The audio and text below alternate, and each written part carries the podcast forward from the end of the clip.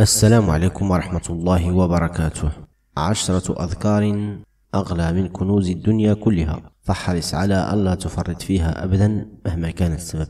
لكن قبل أن نبدأ ادعمونا بإعجاب للفيديو لاستمرار هذه النوعية من الفيديوهات. ولا تحرموا أنفسكم أجر مشاركة الفيديو كي يستفيد منه كل مسلم. إخوان كرام جاء في الحديث عن أبي الدرداء رضي الله عنه قال قال رسول الله صلى الله عليه وسلم ألا أنبئكم بخير أعمالكم وأزكاها عند ملككم وأرفعها في درجاتكم وخير لكم من إنفاق الذهب والورق وخير لكم من أن تلقوا عدوكم فتضربوا أعناقهم ويضربوا أعناقكم. قالوا بلى. قال صلى الله عليه وسلم ذكر الله تعالى. قال معاذ بن جبل ما شيء أنجى من عذاب الله من ذكر الله. رواه الترمذي وصححه الألباني. وطمعا في رضا الله ورحمته نقدم لكم عشرة أذكار. ورد فيها أجور عظيمة. ونسأل الله تعالى أن يرضى عنا وعن جميع من يقرأ هذه الأذكار. أولا عن أبي هريرة رضي الله عنه عن النبي صلى الله عليه وسلم قال من قال سبحان الله وبحمده في يوم مئة مرة حطت خطاياه وإن كانت مثل زبد البحر رواه البخاري. ثانيا عن أبي هريرة رضي الله عنه قال قال رسول الله صلى الله عليه وسلم من سبح الله في دبر كل صلاة ثلاثا وثلاثين وحمد الله ثلاثا وثلاثين وكبر الله ثلاثا وثلاثين فتلك تسعة وتسعون وقال تمام المئة لا إله إلا الله وحده لا شريك له له الملك وله الحمد وهو على كل شيء قدير. غفرت خطاياه وإن كانت مثل زبد البحر. رواه مسلم. ثالثا. مر النبي صلى الله عليه وسلم بأبي هريرة رضي الله عنه وهو يغرس غرسا فقال يا أبا هريرة ما الذي تغرس؟ قلت غراسا لي. قال ألا أدلك على غراس خير لك من هذا؟ قال بلى يا رسول الله. قال قلت سبحان الله والحمد لله ولا إله إلا الله والله أكبر. يغرس لك بكل واحدة شجرة في الجنة. رواه ابن ماجه وصححه الألباني. رابعا عن أم المؤمنين جويرية بنت الحارث رضي الله عنها أن النبي صلى الله عليه وسلم خرج من عندها بكرة حين صلى الصبح.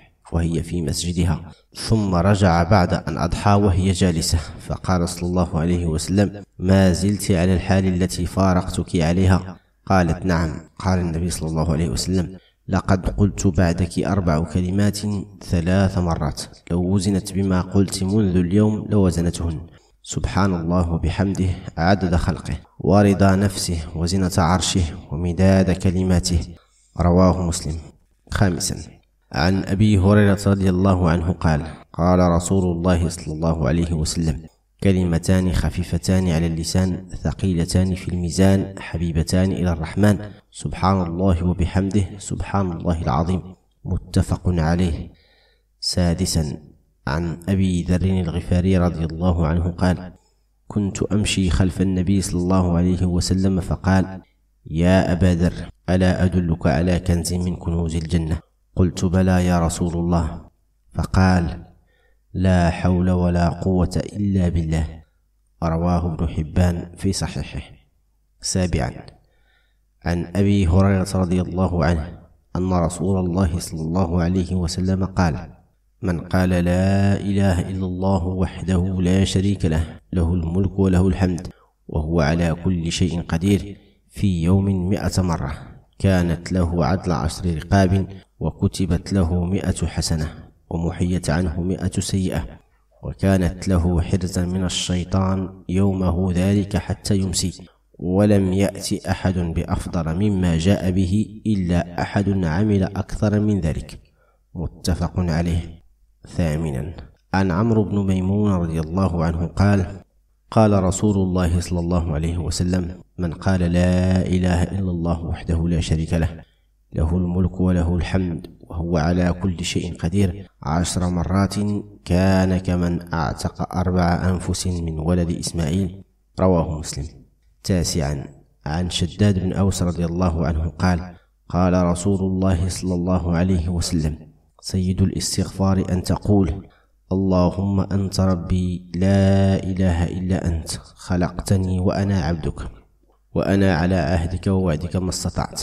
أعوذ بك من شر ما صنعت. أبوء لك بنعمتك علي.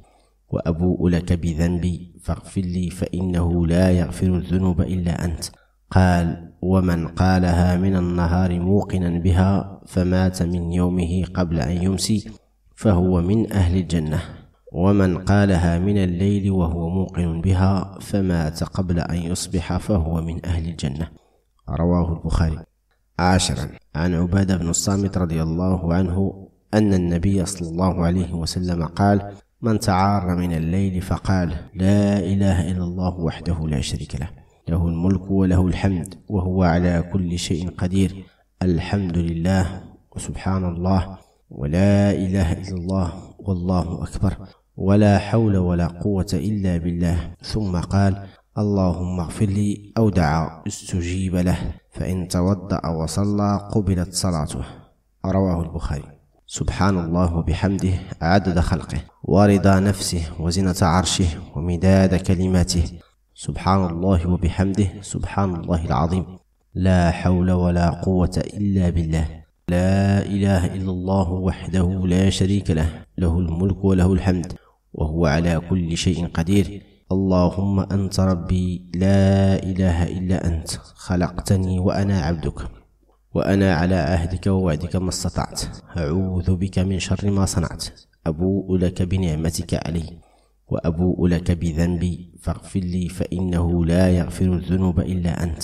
لا إله إلا الله وحده لا شريك له له الملك وله الحمد وهو على كل شيء قدير. الحمد لله وسبحان الله. ولا إله إلا الله والله أكبر. ولا حول ولا قوة إلا بالله.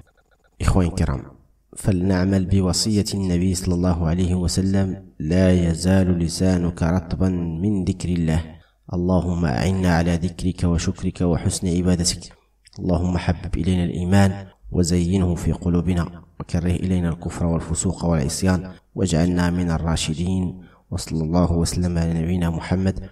وعلى آله وصحبه أجمعين. اللهم ارحم واغفر لكل من نشر هذا المقطع. لا تنسوا أن الدال على الخير كفاعله. إذا أتممتم الفيديو إلى آخره فلا تخرجوا قبل ترك تعليق بالصلاة والسلام على نبينا محمد ولا تحرموا أنفسكم أجر مشاركة هذا الفيديو كي يستفيد منه كل مسلم. فالدال على الخير كفاعله.